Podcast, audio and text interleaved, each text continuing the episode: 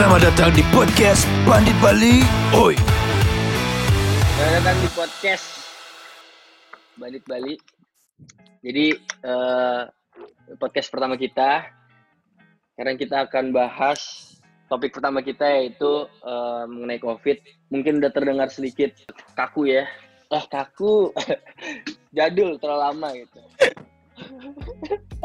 Ya, jadi kayak dari tahun 2019 tuh udah ada virus COVID. Pertama kali ada di Wuhan, Cina. Penyebarannya terjadi sangat cepet lah sampai ke belahan dunia. Hampir semuanya kena. Terus menyebabkan terjadinya pandemi terbesar 20 tahun terakhir setelah flu babi di tahun 2009 sampai 2010. Nah, kita ketahui juga penyebarannya COVID ini tuh aw- berawal dari kelelawar yang dimakan oleh warga Wuhan. Nah, terus menyebabkan gejala yang utama tuh demam dan sesak nafas. Mudah tersebar eh, penyebarannya melalui droplet manusia. Namun beberapa minggu terakhir ini kita banyak menemukan berita mengenai konspirasi COVID yang disampaikan oleh public figure. Contohnya kayak jaring SID dan Elon Musk yang ada di Amerika. Apakah benar adanya? Mari kita bahas di topik ini. Nah, tanggapan kalian gimana sih pas pertama kali dengar adanya COVID-19 ini? Ada yang ini nggak? Ada yang bisa diceritakan nggak? Oke, eh pertama kali denger ya, pertama kali denger isu tentang ini sih berpikir kalau ini sebenarnya kayak gimana ya, kasarnya kayak penyakit biasa aja sih, gak yang berpikiran bakal sampai seheboh dan sebesar sekarang.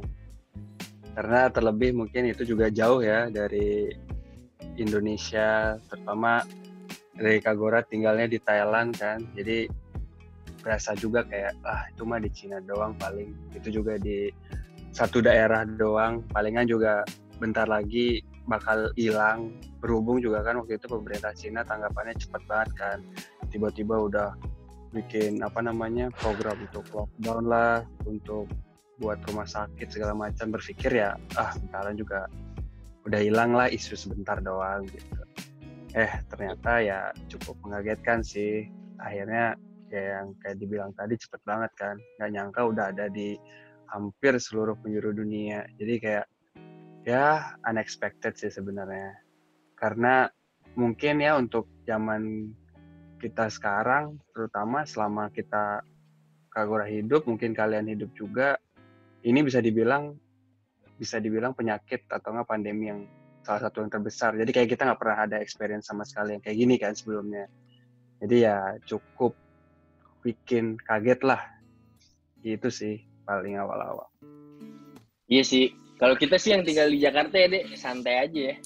Karena kayak awal-awal berita kan dibilangnya kalau COVID ini nggak bisa membunuh warga Indonesia kan. Karena warga Indonesia makanannya sampah aja. nah itu Iya kan. Jadi Indonesia kita paling santai-santai aja. Iya, terus juga kan iya sempat heran juga sih kemarin kan penyebarannya cepet banget kan di seluruh dunia. Terus Indonesia waktu itu masih belum ada pencegahan sama sekali, terus juga belum ada berita positif sama sekali kan. Padahal pariwisata masih dibuka untuk internasional. Terus jadinya ya warganya masih santai-santai aja, masih sempet-sempetnya eh ya jalan-jalan lah. Terus juga sempat percaya juga Indonesia tuh kebal karena iklim tropis jadi covidnya nggak tahan virusnya nggak tahan Bener bener bener. Tapi ngomong-ngomong percaya, ada tapi satu hal yang kita lupa. lagi dong. Ada satu hal yang kita lupa. Kita lupa memperkenalkan diri kita masing-masing aja. oh gitu ya Iya. mungkin kita perkenalan ya. Mungkin dari bahas sedikit tadi topik, tapi mungkin perkenalan lah. Eh, dari yang dari Thailand dulu gitu. Namanya siapa Anjay. Terus apa hubungannya dengan kita Anjay. Oke. Oke, halo semuanya. Nama saya Ananta Gora Pretoda, panggilannya Gora. Panggilan bagi mereka Kagora karena berhubung saya statusnya di sini sebagai kakak mereka, kakak kandung dan kakak sepupu. Jadi di sini saya yang paling tua dan sekarang Kelihatan saya sih dari posisinya iya benar ya. Dan apalagi kalau tahu ini jenggotnya panjang kan. Terus di sini status juga saya sudah bekerja. Kebetulan sekarang kerjaannya berada di negara tetangganya Indonesia ya, bukan Malaysia tapi Thailand.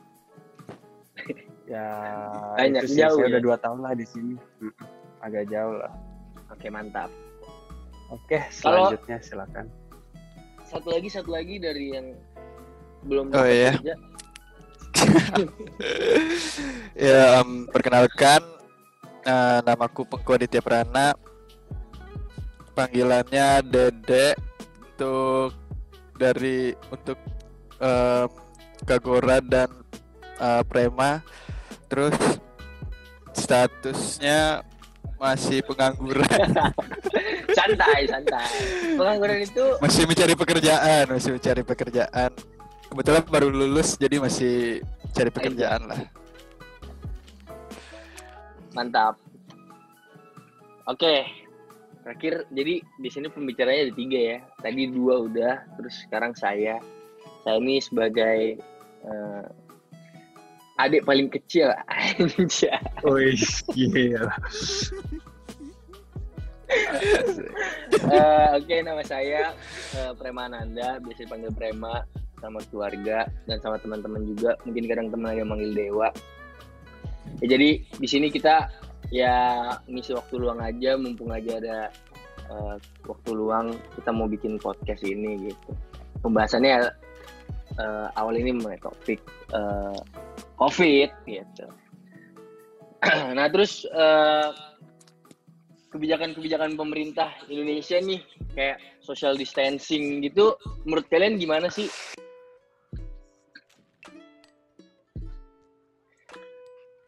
Kalau Social saya sih- distancing, eh, gimana Prema?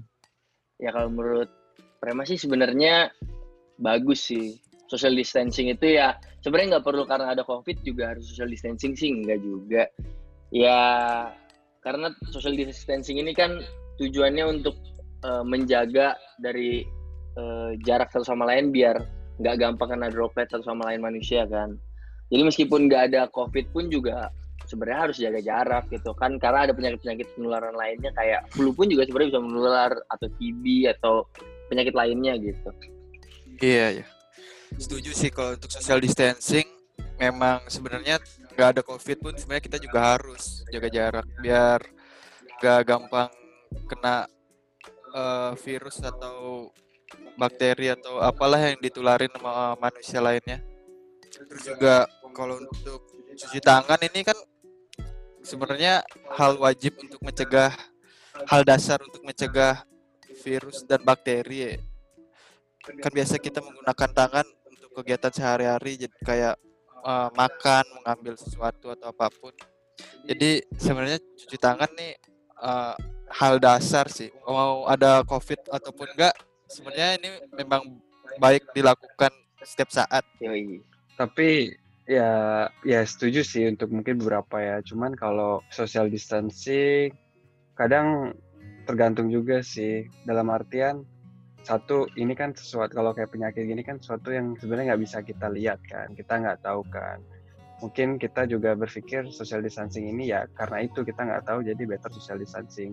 Cuma kadang jadi malah bawaannya parno. Contoh, kadang ada banyak case atau banyak situasi yang susah kita kalau memang harus social distancing apalagi kalau anak nongkrong nih atau enggak. Jangan kan anak nongkrong yang emang harus apa memang tidak bisa dihindarin. Contohnya yang memang orang harus bekerja misalkan. Kalau ada antrian misalkan di kereta di mana segala macam. Kayak itu suatu hal sebenarnya yang susah banget kan untuk kita lakukan. Dan kadang nggak tahu sih ya dari nanti mungkin bapak Prema bisa menjelaskan apakah sebenarnya memang kita harus sama sekali eh, ini dari segi kesehatan ya. Apakah memang Nah, kita harus totally menghindari yang namanya exposure terhadap uh, bakteri, virus dan jamur atau enggak malah sebaiknya itu bagus buat badan kita mungkin dalam takaran tertentu misalkan. Hanya beberapa takaran lah nggak banyak itu yang tidak mematikan dosisnya. Jadi secara alamiah sebenarnya badan kita akhirnya membiasakan diri terhadap itu akhirnya memuat, malah menguatkan badan kita. Akhirnya terjadi apa yang namanya pengembangan anti uh, apa namanya Body, anti- antibody, apa, antibody. imunitas ya antibody imunitas kita bertambah Iya. nah apakah malah itu sebenarnya baik gitu asal dalam dosis yang sebaiknya gitu dalam yang yang wajar lah gitu. Mungkin sebenarnya kalau kalau membahas mengenai pemaparannya itu kan itu hal yang nggak bisa kita ini ya nggak bisa kita prediksi nggak bisa kita ukur karena kan sifatnya ada di alam begini kan nggak bisa kita ukur kita cuma bisa kena segini segini segini gitu kan. Ya memang ada baiknya kalau uh, selama kemampuan antibodi kita bisa melawan itu sejauh ini yang bisa jadi yang bisa menjadi uh, tolak ukur kita lah. Kalau misalkan kita pas untuk bisa kena misalkan uh, penyakit kayak uh, COVID tersebut gitu ya. Untuk bisa memiliki antibodi ya pengukuran ketika antibodi udah nggak bisa ngelawan ya berarti itu sudah melebihi dari kapasitas tubuh itu sendiri gitu. Nah tapi sebenarnya uh, ya kalau social distancing ini memang harus kalau menurut saya harus sampai kapan pun diterapkan mungkin untuk 5-6 tahun ke depan. Karena ya susah juga kalau nggak karena ada virus aduh lupa saya namanya apa uh, virusnya ini tuh butuh uh, kebal terhadap kita tuh selama enam tahun gitu. Lupa nama virusnya apa. Nah itu kita juga harus menerapkan social distancing gitu. Social distancing kan bukan cuma jaga jarak ya tapi juga melainkan kayak ke tempat-tempat yang nggak perlu kita datengin tuh kan juga merupakan bagian dari social distancing. Misalkan kayak ke bioskop atau misalkan makan ke restoran atau misalkan kita clubbing segala macam. Itu kan harusnya bagian dari social distancing juga ke tempat-tempat yang nggak seperlunya kita datang. Menurut saya itu, menurut masih itu bagus, mengurangi uang juga kan pengeluaran dan kesehatan. Apalagi yang suka party-party ya. Itu yang suka bungkus. Ini benar mengingatkan orang-orang boros untuk berhemat. ya, kalau PSBB gimana PSBB? Di Thailand ada PSBB nggak? di Thailand kita ada tapi nggak gitu ketat yang gimana-gimana mungkin lebih ketatnya kita ada jam malam juga sih. Jadi kalau per hari ini udah ada pelonggaran. Mungkin kalian udah ada lihat di berita kalau beberapa mall kayak di Thailand udah mulai dibuka. Dan tadi juga agak heboh sih pas pembukaannya ya. Di beberapa mall kayak terjadi penumpukan orang juga ya nggak ngerti kenapa oh, mereka iya. pada ngumpul histeris mall buka pada lari-larian. Nggak ngerti apa yang dicari entah ada promo apa entah ada super sale. atau super sale atau bagaimana atau ada gratisan apa pada mau nyolong atau apa nggak tahu deh ya. Atau mau nyetok kebutuhan pokok semua. Di Thailand yeah. orang kalau, buka kalau kebutuhan pokok kalau kebutuhan di pokok Indonesia kita buka McD tutup. buka terus Ram. karena kayak supermarket kayak gitu kebutuhan-kebutuhan esensial kita nggak tutup cuma hari ini lebih Oh, iya. pelonggaran ke untuk sesuatu kebutuhan yang nggak terlalu esensial. Kayak baju kosmetik dan lain-lain udah bisa jualan lagi kayak normal. Kapan Oh. juga dibuka ya. Hari ini. Mendingan beli ini ya tok Tokped aja. Shopee. Anjay. anjay. Zalora Zalora. Udah nggak zaman bor. Beli-beli lagi ke mall. Kita suruh aja kurir-kurir itu datang ke rumah. Iya sih PSBB karena tapi mereka kalau mereka kurirnya kenapa? Karena mereka kurirnya kali makanya. Pada datang. Oh iya bener kan juga. kurir tetap harus ke mall juga. Iya iya. Masa kurir minta tolong kurir kan iya betul juga. Berarti yang rame-rame itu kurir ya? Nggak salah mungkin salah. sih ya. kalau di Jakarta PSBB eh di Indonesia sih bukan di Jakarta aja ya. Kalau kata jaring kan Jakarta itu bukan Indonesia kan Salah Indonesia itu bukan Jakarta aja. kebalik. Iya itu maksudnya. PSBB ini kalau menurut emang nggak penting sih. Karena ya bakal mempengaruhi segala aspek gitu. Ya terutama aspek ekonomi kita lah. Selain ekonomi aspek kehidupan kita pada umumnya lah. Kayak misalkan kita harusnya bisa sekolah pada eh, seperti biasa. Atau misalkan kita bisa kerja seperti biasa. Itu harusnya yang kita bisa ngejalanin aja sih. Karena udah bisa dilihat juga ya mungkin di Eropa ada statistik bahwa kalau misalkan lockdown segala macam itu menurunkan tapi pada dasarnya adalah kita nggak mungkin bisa bikin virus COVID ini penyebarannya berhenti 100% dengan penyembuhan orang 100% hilang gitu nggak mungkin. Ya kayak COVID ini kan pertama kali ka- COVID ini bisa rame kan karena berawal dari satu orang dua orang lama-lama dua orang jadi empat orang empat orang jadi delapan orang gitu Jadi kalau misalkan nanti terjadi lockdown atau misalkan PSBB ini diperketat atau tetap menjalankan lockdown, kalau misalkan masih tetap ada satu orang ini yang terjangkit, ya tetap aja sampai kapan pun bakal terus muter, muter, muter, muter ya bakal terus ada aja yang dijangkit. Karena COVID bisa menyebar sebanyak ini ya tadi yang pernah bilang ya karena dari satu orang atau dua orang inilah. gitu. Dan itu pun kita nggak bisa Nah, tahu kan bahwa nih. Kan ada kasus yang sembuh nih. Nah, orang yang sembuh ini bisa terjangkit lagi nggak? oh bisa bisa bisa bisa terjangkit lagi Percuma ketika kan ya memang berarti. Iya makanya memang percuma karena ketika antibodinya nggak mampu ya ya udah gitu loh dan biasanya orang yang bisa kena virus sampai meninggal gitu ya menular itu karena ya antibodinya nggak baik kayak contoh misalkan TB lah ya yang udah banyak penelitiannya segala macem biasanya udah sampai kompleks sampai TB-nya menyebar ke mana-mana karena dia punya komorbid HIV itu yang paling utama. Jadi memang karena udah punya imunitas yang kurang baik gitu. Ya sekarang bagaimana caranya kita menjaga imunitas kita sendiri aja? Ya makan yang benar, istirahat yang cukup, olahraga yang rutin seminggu dua tiga kali. Ya itu harusnya udah bisa menjaga kita dari penyakit apa pun sih, bukan covid aja gitu. Ya balik lagi kalau PSBB nggak penting, ya harusnya Iya. berjalan gitu aja. Ya setuju sih. Soalnya em, ini dapat berita juga beberapa kayak contoh em, di Bali kan lagi ngadain dilaksanakannya pembatasan kegiatan masyarakat. Nah kebetulan salah satu em, bupati di Bali, Bupati Badung Giri Praste tidak melaksanakan pembatasan kegiatan masyarakat dikarenakan eh, menurut dia eh, pemerintah tidak bisa melarang masyarakat untuk melakukan kegiatan sehari-harinya untuk mencari eh, nafkah karena pemerintah tidak bisa menanggung eh, kebutuhan pokok dari masyarakat. Jadi kalau misalnya mau ngadain pembatasan kegiatan masyarakat, harusnya pemerintah bisa eh, apa namanya menanggung kebutuhan pokok dari masyarakat tersebut. Soalnya kayak kemarin contoh sempat baca juga di Twitter eh, orang ngeluh. Dia awalnya punya eh, usaha apa ya namanya ya usaha bikin baju gitu kan terus punya pegawai banyak terus dia kayak kasihan sama pegawainya eh, nggak punya pekerjaan lain nggak punya pegangan hidup lain jadi dia cuma kerja di sana terus dia bingung daripada di PHK semua pegawainya gimana caranya biar tetap bisa bantuin terus juga bisa eh, ngitipin satu sama lain. Akhirnya dia banting usaha jadi jual eh, usaha makanan terus tiba-tiba dikeluarin peraturan pembatasan, kegiatan masyarakat. Kan orang jadi bingung juga kan harus gimana caranya lagi buat nyari eh, nafkah gitu.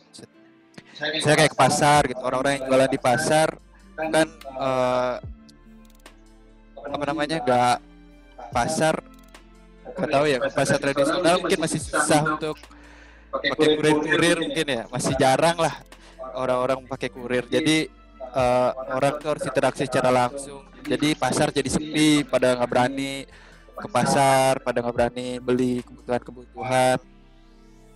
Ya untuk em, masyarakat yang kalangan menengah ke bawah agak memberatkan sih. Di Malang juga ada berita nih sempat em, sampai bagi-bagi sayuran dengan harga murah di jalan raya.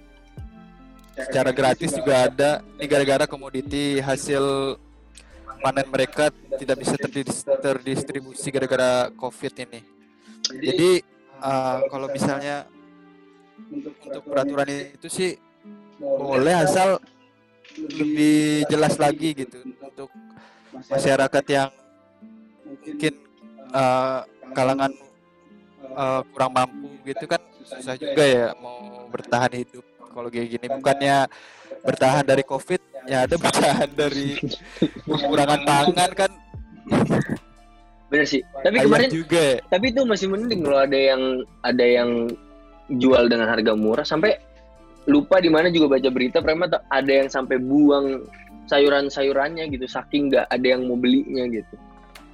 Ya mungkin tapi ada ada nilai plusnya juga sih dari PSBB ini eh, untuk orang-orang ya sebenarnya mereka harusnya bisa belajar bagaimana caranya menggunakan digital sih karena kayak kan ada namanya UKM 4.0 asik sempat baca-baca juga ya kayak UKM-nya ini harus semuanya digitalize lah dari penerimaan pembayaran, pengiriman, pemesanan segala macam itu mereka semuanya harus digitalize. Dan menurut saya menurut Prama ya pemerintah juga harus bisa ngeliat ini sih. Iya kita kan nggak ada yang tahu kejadian-kejadian seperti ini, nggak ada yang tahu bisa aja kejadian lagi tahun depan atau lima tahun lagi. Nah menurut Prama sih harus ada antisipasinya seperti hal-hal kayak gini. Jadi kalau misalkan kita mau melakukan PSBB pun ya nggak masalah kita bisa kirim-kirim orang, kirim barang segala macam, transfer uang kalau di pasar tradisional yang dari bilang tadi pasti mati ya karena orang nggak bisa datang ke sana dan pembayarannya harus tunai segala macam dan itu nggak efektif gitu dan pasti sangat bertentangan dengan PSBB. Ya mungkin nilai plusnya adalah kayak membangkitkan kita untuk berinovasi gimana caranya kita bisa melakukan semua hal itu secara digital sih. Iya. Ini contoh kayak IG juga nih kan udah buat-buat stiker Ah iya. kayak benar. shopping itu kan lumayan. story ya. Story Iya, itu keren, bagus sih. lumayan bantu-bantu yang orang usaha online jadi lebih luas jangkauan. Iya betul. Ya itu sih. Ya mungkin di beberapa negara udah ada yang dilonggarin ya. Kayak di Itali tuh lockdown udah mau dikurangin segala macem. Terus di Indo juga eh, mau direlaksasikan tapi ya ada masalah politik. Jadi sebenarnya kalau ya kalau tadi misalkan Dede bilang eh, harusnya ada uang, sebenarnya pemerintah tuh ada uang. Kalau nggak salah pemerintah tuh ada uang sekitar 300 triliun yang harusnya didis bu- didistribusikan untuk pemberian pangan kita, tapi malah digunakan untuk kayak penutupan kayak buzzer-buzzer gitu loh. Jadi bilang kalau COVID nih nggak apa-apa segala macam segala macam. Ya mungkin tujuannya pemerintah untuk eh, masyarakatnya nggak terlalu goncang kali ya biar nggak biar tetap stabil eh, nggak apa stabil politiknya. Jadi tapi aneh aja gitu dia buang-buang duit ratusan triliun harusnya untuk kebutuhan dasar manusia tapi malah digunakan untuk hal yang kurang ya gitu deh. Nah kalau WFH dan karantina ya mungkin udah tadi lah ya. Terus keterlambatan mengenai kasus covid nih menangani sorry. Menangani kasus covid. Pemerintah kita yang kayak dokter terawan kan bilang tenang aja. Penyakit ini bukan penyakit yang gimana gimana kok. Awalnya. Awalnya. Iya awalnya. Sekarang kan ngilang dia. Sibuk. sekarang udah pernah masuk gini terus kayak misalkan Luhut yang bercanda misalkan lupa ada menteri siapa lagi yang bilang tanggapan kalian gimana tuh ngeliat pemerintah Indo yang kayak gini yang kayak gitu Ya kalau dari pribadi sih bingung sih.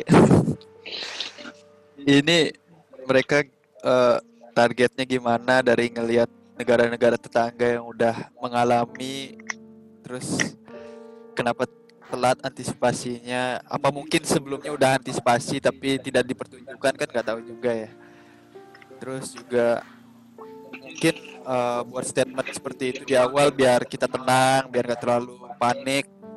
Langsung kita stok eh, barang pokok biar habis-habisan gitu biar gak ada panik-panik kayak gitulah.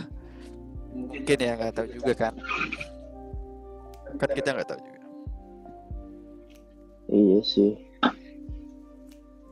kalau Thailand gimana Thailand Sebenarnya tepat waktu nggak penanganannya pemerintahan Thailand kalau Thailand sih sebenarnya santai juga sih, nggak yang gerasa-gerusu gimana-gimana. Mereka juga termasuk yang udah kasusnya. Sebenarnya kalau Thailand itu mau dibilang sebenarnya sama Indonesia jauh sih. Kita di sini total kematian aja 50-an kalau nggak salah ya. Kalau nggak salah nggak sampai 100 event untuk di Thailand sendiri. Jadi sebenarnya tapi nggak bilang cepet juga nggak juga. Kayak udah ada beberapa kasus, terus tiba-tiba baru pemerintahnya gerak juga.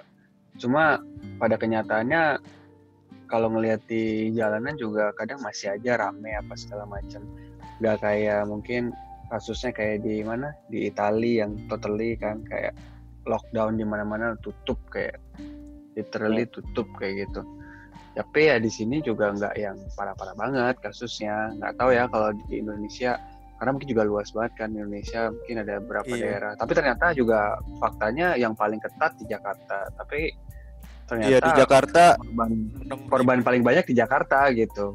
Jadi Iya.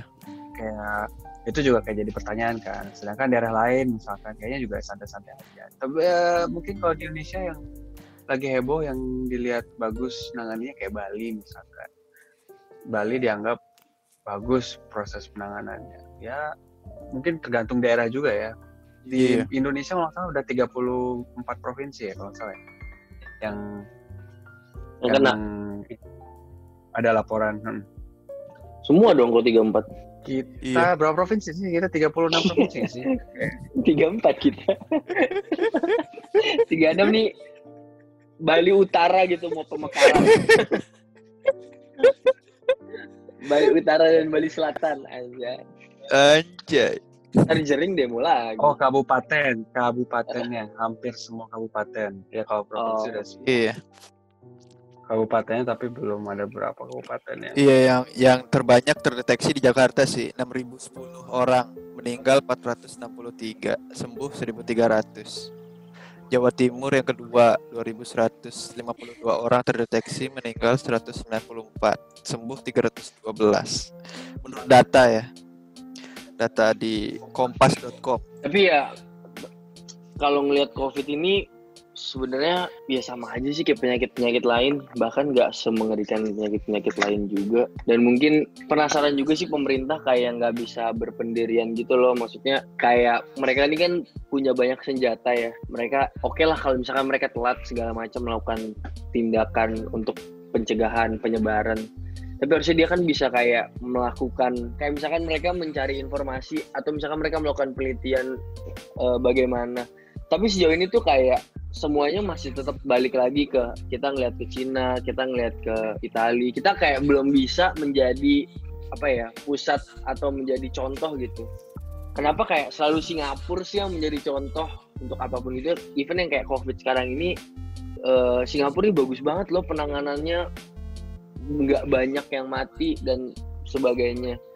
Itu sih yang menjadi apa ya hal yang sangat amat disayangkan gitu oh iya dan sempat juga baca kalau misalkan negara yang bagus-bagus menangani covid menangani covid ini karena sebelumnya itu mereka sudah pernah kena pandemi sebelumnya kayak Korea kayak Singapura kayak Cina itu negara-negara yang eh, sebelumnya itu bagus gitu penanganan terhadap pandeminya. Jadi mereka belajar dari pandemi sebelumnya sehingga penanganannya yang sekarang ini lebih baik dibanding sebelumnya. Ya mungkin karena Indonesia belum pernah kena pandemi yang bagaimana kali ya. Jadi mereka masih santai, masih ini gitu. Kak Gore gimana aktivitas di Thailand selama WFH? WFH nggak Kak Gore WFH nggak? WFA di sini. Ya, tapi ngomong-ngomong kayak Singapura nih ya, kalau mau dilihat, kalau mau adil ya, cara baca data itu jangan kayak kita lihat total case sama total death, tapi kan kita harus lihat juga kan dia rasio Jumlah apa namanya jumlah penduduknya dan luas daerah segala macam. Sebenarnya kalau kita lihat rasio kematian dibanding satu juta populasi itu Singapura sama Indonesia itu sama. Kita eh Indonesia itu ada empat kematian dari satu juta populasi dan Singapura pun empat kematian dari satu juta populasi. Jadi makanya makanya kan Pak Jokowi juga sempat bilang kan mana buktinya negara mana yang jelas-jelas sukses atau berhasil melakukan PSBB atau apa. Sebenarnya kalau mau dilihat angka Indonesia aja yang kadang juga mesti dibilang santai-santai ketat nggak jelas juga, tapi kadang juga nggak bisa dibilang angkanya lebih buruk daripada orang yang lebih ketat gitu. Singapura aja yang udah ketatnya luar biasa, angkanya masih sama gitu kematiannya dibandingkan uh, sama Indonesia. Gitu. Thailand yang termasuk santai aja juga bagus gitu, malah lebih oke dari Singapura. Kalau dibanding sama Singapura, Thailand lebih santai gitu. Kita di sini cuma 0,8 per 1 juta populasi kematiannya, rasionya. Jadi kayak makanya maksudnya mesti dipertanyakan. Cuma intinya sebenarnya pemerintah itu cuma berpikir ya nggak mau nyiptakan apa ya kepanikan Kepanikan di- berlebih.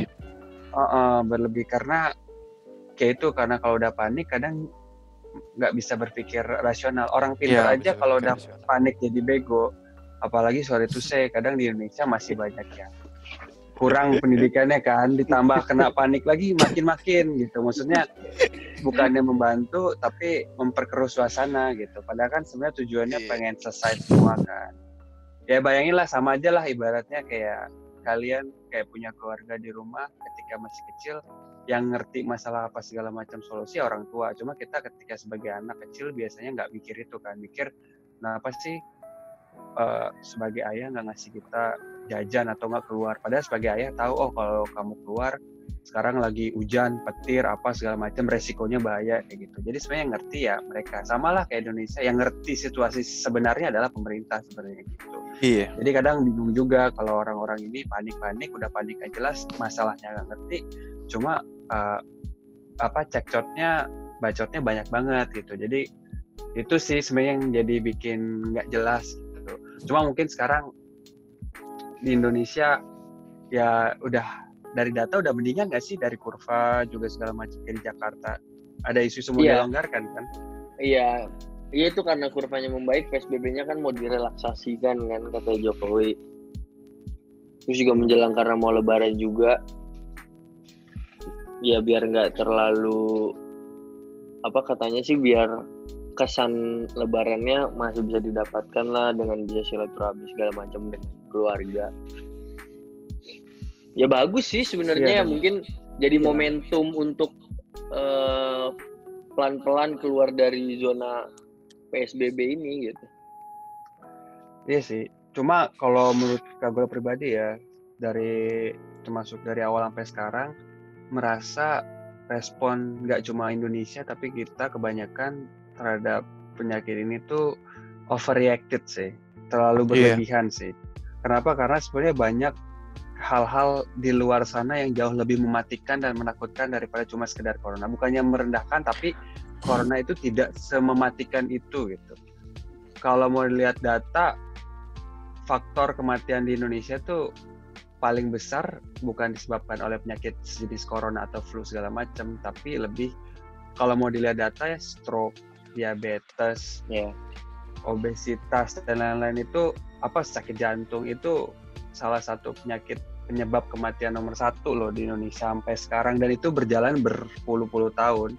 Jadi kayak kalau mau fair boleh kalau mau respon terhadap COVID seperti sekarang boleh. Cuma fair juga dong. Apa penanganan terhadap stroke, apa penanganan terhadap sakit jantung dan lain-lain. Sedangkan itu kan sebenarnya bisa juga kan kita atasi. Sebenarnya ada juga Iya. action yang harus kita lakukan untuk mencegah atau mengurangi penyakit-penyakit tersebut kan. Cuma apa kan tidak ada sama sekali. Paling simpel misalkan apa? Selalu dibilang rokok penyebabkan begini begini begini begini. Iya. Tapi sampai sekarang rokok masih ada. Jadi kayak tebang pilih kesannya gitu. Kalau mau Iya. fair. Tapi kalau mau ngikutin yang sudah-sudah ada ya udah fair juga dong. Ya corona nih biasa aja kayak nggak usah yang karena namanya risk management itu selalu harus difikirkan juga gain and loss-nya harus kita lihatin dong.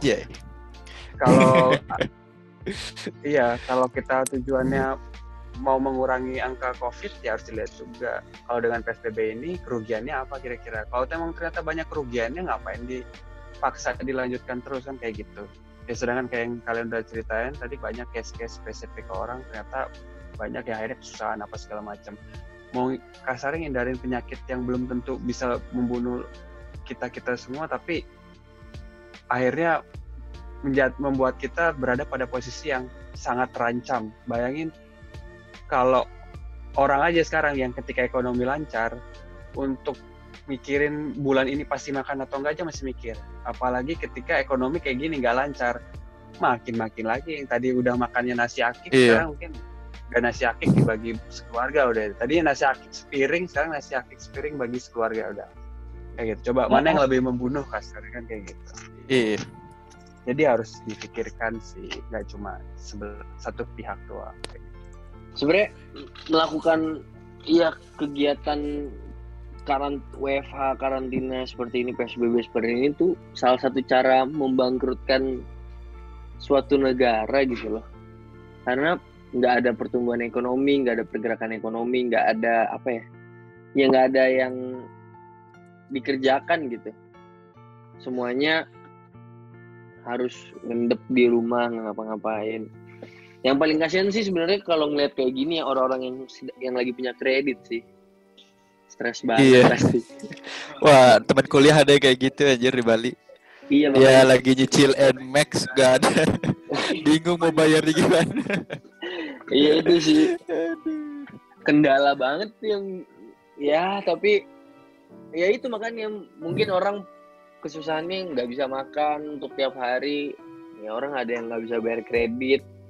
Sedangkan dengan bayar kredit ya harus punya gaji harus punya penghasilan yang udah biasanya sebelumnya mereka harapkan dari tiap bulannya mereka dapat gitu. Iya. oh yang ngomong-ngomong balik lagi tadi. Kak Gora WFH di Thailand ngapain aja? At WFH ya Iya. tadi ya WFH kan? Iya. WFA ya seperti judulnya work from home ya kayak biasa sih kerjanya dari rumah jadi sekarang. Untungnya bisa gitu. Memang ada beberapa kantor yang nggak bisa sama sekali WFH gitu. Jadi Kak Gora nggak ada ke jadi kantor ya sama sekali.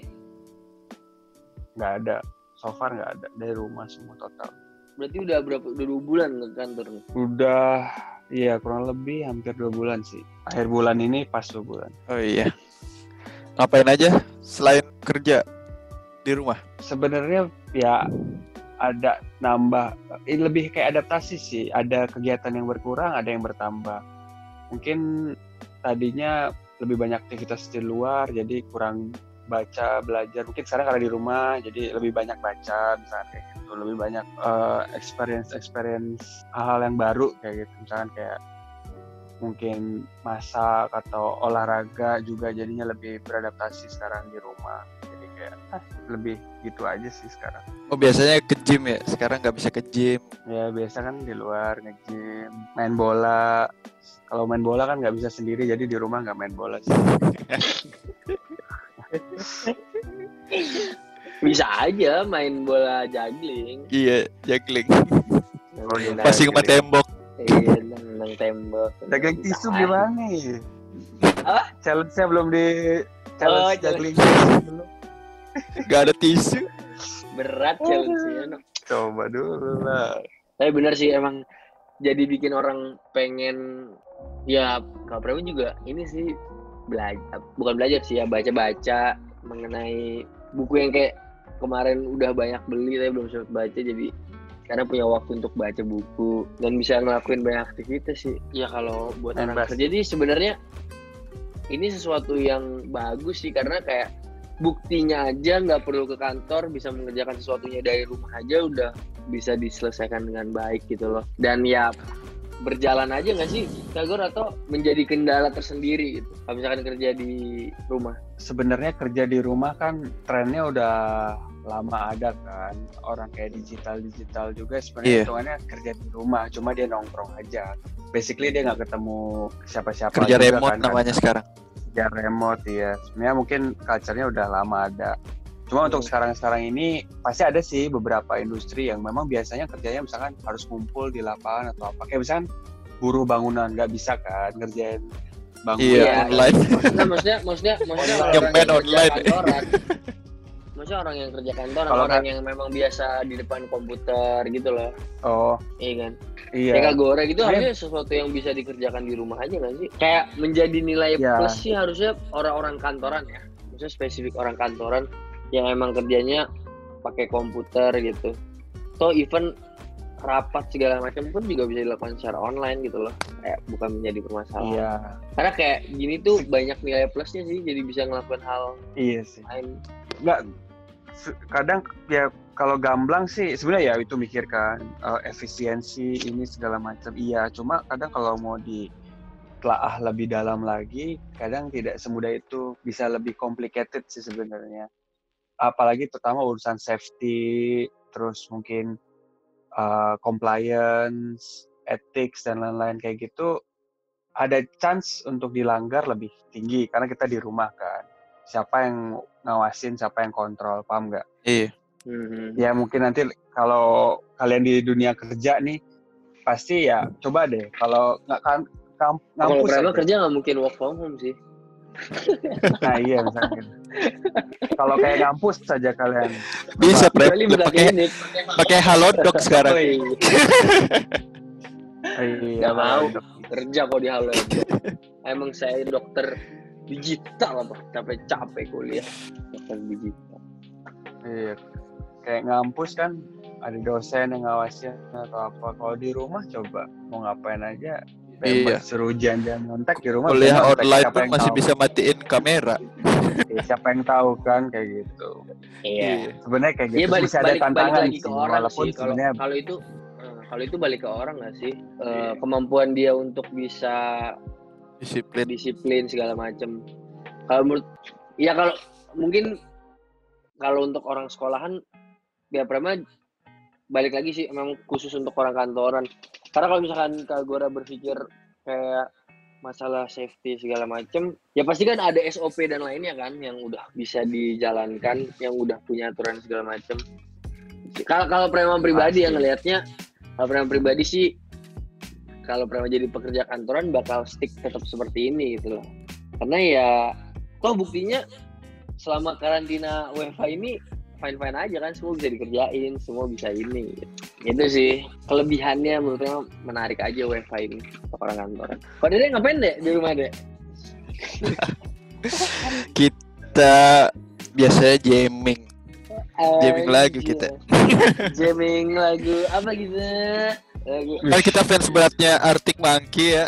Anjay. anjay Wih, Jadi kita biasa main Arctic Monkey. Kemarin juga sempet Smells Like Teen Spirit. Eh, biar makin semangat. iya betul betul iya, Terus juga kita serumah ya deh terus eh, biar olahraganya makin semangat, kita buat tempat boxing di Yoi. depan rumah. Di jalan. Eh, kita rubah. Kita rubah. Mobil mau lewat eh stop stop stop, stop. ya jadi kita geser dulu. Saknya kita suruh sparring dulu. Kalau mau lewat lu sparring sama kita gitu. minta upeti kita. Ya kayak gitulah. Siapa nih? Olahraga olahraga. Tentu Winda ya kebetulan Prema Prema jadi coach kita di rumah Anjay. The next coach Oh. ke mana? Anjay. Wih. suhu, suhu. Udah Uh, sampai bubul-bubul kaki kaki udah, paduh, sampai keluar-keluar tulangnya cuy. udah ngeri ya tahu strike sama jab aja cukup Strike. Yang capek kalau disuruh tendang iya oh copot aja kaki Terus kita ini ya, kita ya tadi belakang ini yang paling heboh di Indo tuh lihat jering gak sih? Komen bahwa kalau COVID ini konspirasi aja. merupakan Iya. ilusi, merupakan buatan Oh. ilmiah Iya, manusia. elit. merupakan buatan elit global Ay, MSM, antis. Yeah. Susah nih kalau Bali nih, nggak bisa digas. Keras. DM email musat DM. Aduh. Salah satunya yang yang paling Si Yang botak, paling- si botak ya si si siapa sih Batak? Falcon Oh, Iya, Falcon. si jenggot. Iya. Yang paling yang paling bikin dia terkenal sebenarnya ya itu ya pas dia minta disuntik. Eh, bisa jadi terkenal dan vaksin ya bukan yang maksudnya yang kan kan konspirasi-konspirasi dia kan jadi Oh. terkenal kan karena ya coba ayo saya suntikin covid oh iya kayak yang jering bilang eh, mengenai konspirasi ini kan bahwa sebenarnya itu tadi yang dia bilang ya sih kalau ini tuh buatan elit global yang tujuannya tuh untuk bisnis lah balik lagi. Ya untuk meriset ekonomian lagi. Nah ya ada yang bilang seperti itu. Karena kan kayak eh, sebelum-sebelumnya Kak Goro juga pernah cerita kalau ini tuh eh, kayak musibah 10 tahunan eh, 8 10 tahunan lah eh, untuk meriset eh, perekonomian kan. Menyebabkan eh, apa namanya kanker depresi atau oh, kok jadi kanker kan- kantong kering. Oh keren. sebelum depresi ada ada regresinya dulu kan. Ya ini yang Resesi. mungkin tapi resesi. eh iya resesi reg- reg- regresi. Sorry sorry sorry. Nah aduh jadi lupa saya mau ngomong apa. Nah terus eh, kayak omongan jering nih harusnya kita tuh santai aja nggak usah terlalu gimana terhadap covid kayak yang udah kita bahas juga. Ada benernya sih dan ada bagusnya juga. Dan ya konspirasi itu kan juga gimana ya? Ya sesuatu yang nggak mungkin bisa kita salahkan 100% kan? Ya Iya. kita nggak ada yang tahu gitu ya. Kalau misalkan ternyata bener ternyata Bill Gates ingin membiayai eh iya apa ingin mengambil keuntungan dari vaksin yang untuk covid ini ya kita kan nggak iya tahu. ternyata Bill Gates ingin mendepopulasi masyarakat di dunia Iya. ingin menurunkan populasi gimana? Tapi kalau depopulasi orang-orang yang kayak Ferdinand Ferdinand itu nggak apa-apa sih yang tapi bang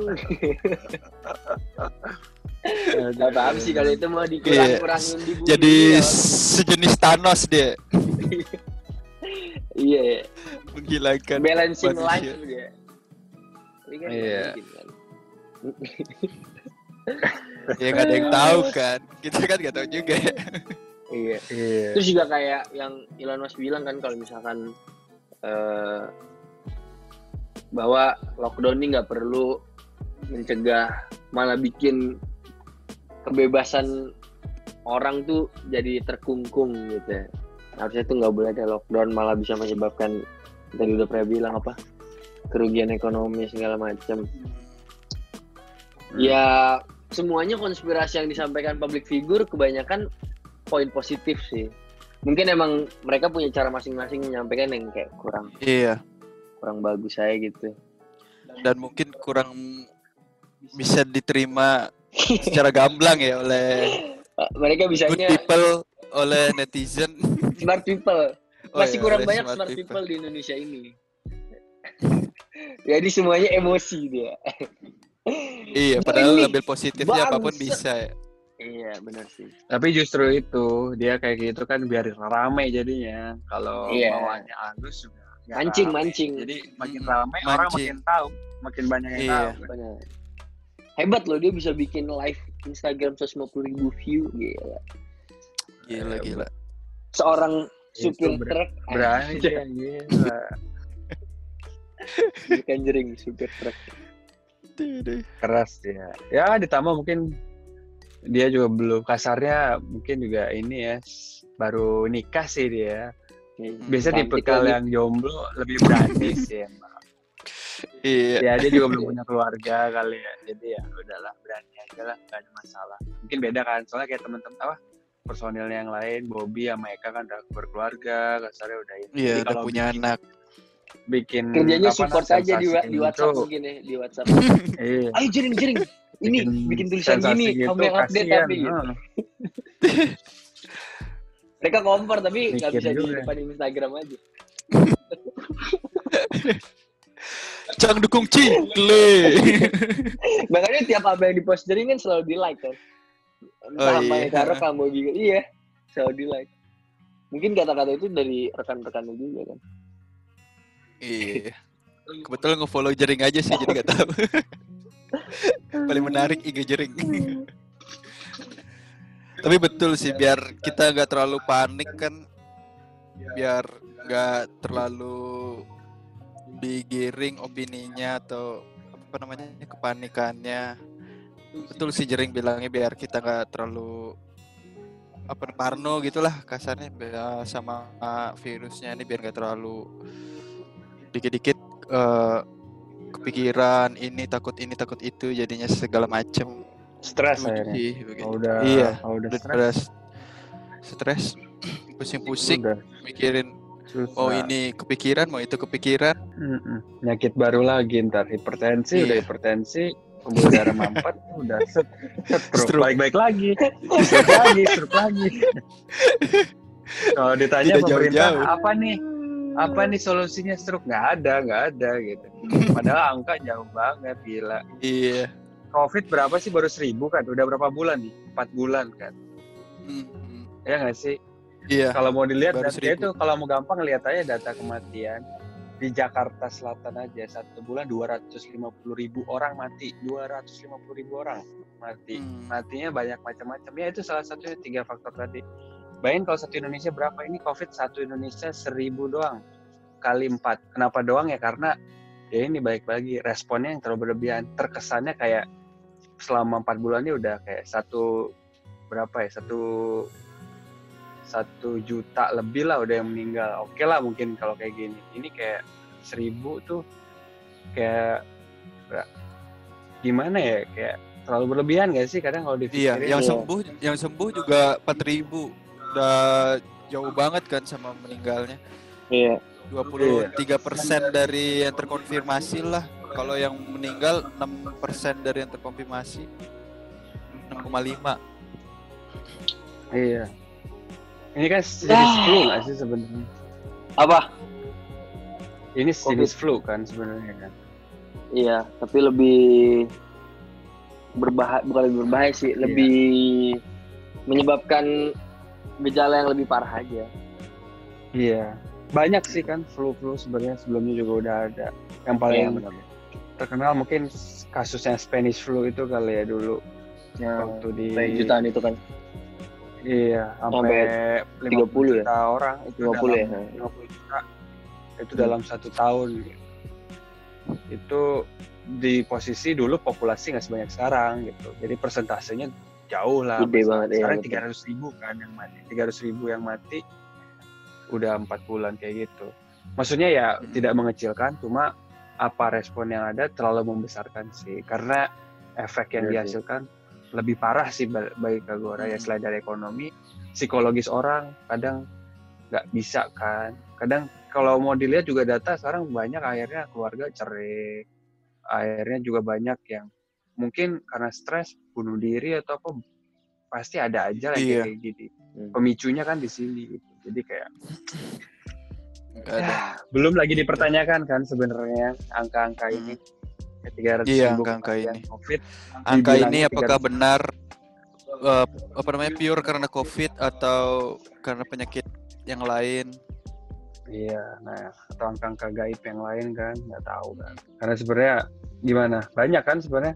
Ada yang bilang sebenarnya dia kasusnya sebenarnya meninggal karena Kan karena kanker, COVID. Heeh. Iya. cuma karena Banyak lah simptom yang kayak sering-. Hmm. Iya, Elon Musk juga sempat ngupload itu sih. Jadi kayak Banyak ya rumah sakit itu di katanya dibayar, dikasih bayaran setiap kasus eh, COVID. Terus makanya jadi yang meninggal bukan karena COVID dibuat jadi COVID gitu. Ya, biar dapat cuan bisa jadi kayak gitu. Mm-mm. Yang paling penting kita jangan stres lah, harus selalu tenang Iya. karena ya pikiran sehat, tubuh sehat ya nggak sih? Iya.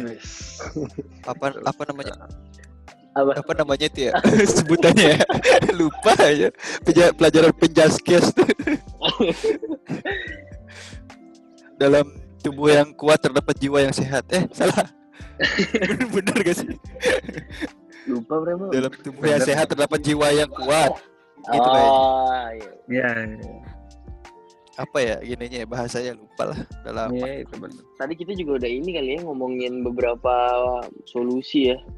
Apa kayak cara-cara kita untuk menghadapi COVID. Menurut kalian berdua yang paling penting menghadapi COVID ini apaan sih? Pak Prema sendiri sih sebenarnya Iya, Pak Prema ya. Kalau Prema. Sih kita tuh harusnya yang pertama ya tadi yang pernah bilang ya pikiran santai aja, tenang, Jangan jangan stres-stres. stres ya mungkin untuk orang yang usia di atas 60 tahun kita udah banyak tahu yang imunitasnya pasti udah menurun orang-orang yang di atas 30 65 tahun itu kan orang ge- geriatri namanya kelompok geriatri ya pasti imunitasnya menurun dan lebih besar lagi kemungkinannya penyakit komorbidnya itu lebih parah. Jadi ya harus lebih berhati-hatilah dalam melakukan sesuatu. Ya kayak misalkan makan dijaga terus melakukan keluar atau misalkan ngapain pekerjaan selalu jangan lupa cuci tangan. Pakai masker lah untuk beberapa tahun ke depan ini gitu untuk menjaga kita tapi kalau orang yang usianya masih 40 tahun ke bawah sebenarnya santai aja ya mungkin sama juga tetap cuci tangan kebersihan yang dijaga Iya kebersihan jaga. perilaku hidup bersih dan sehat itu dijaga ya setelah itu Ya ya, olahraga yang rutin biar menambah kekebalan tubuh. iya Minum betul vitamin.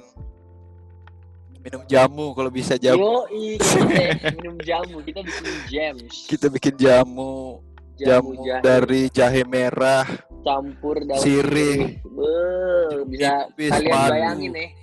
Wah, Bayangin. sangat dahsyat. Selain bersihin kerongkongan juga Bersih-bersih. jiwa berasa jiwa juga berasa suci.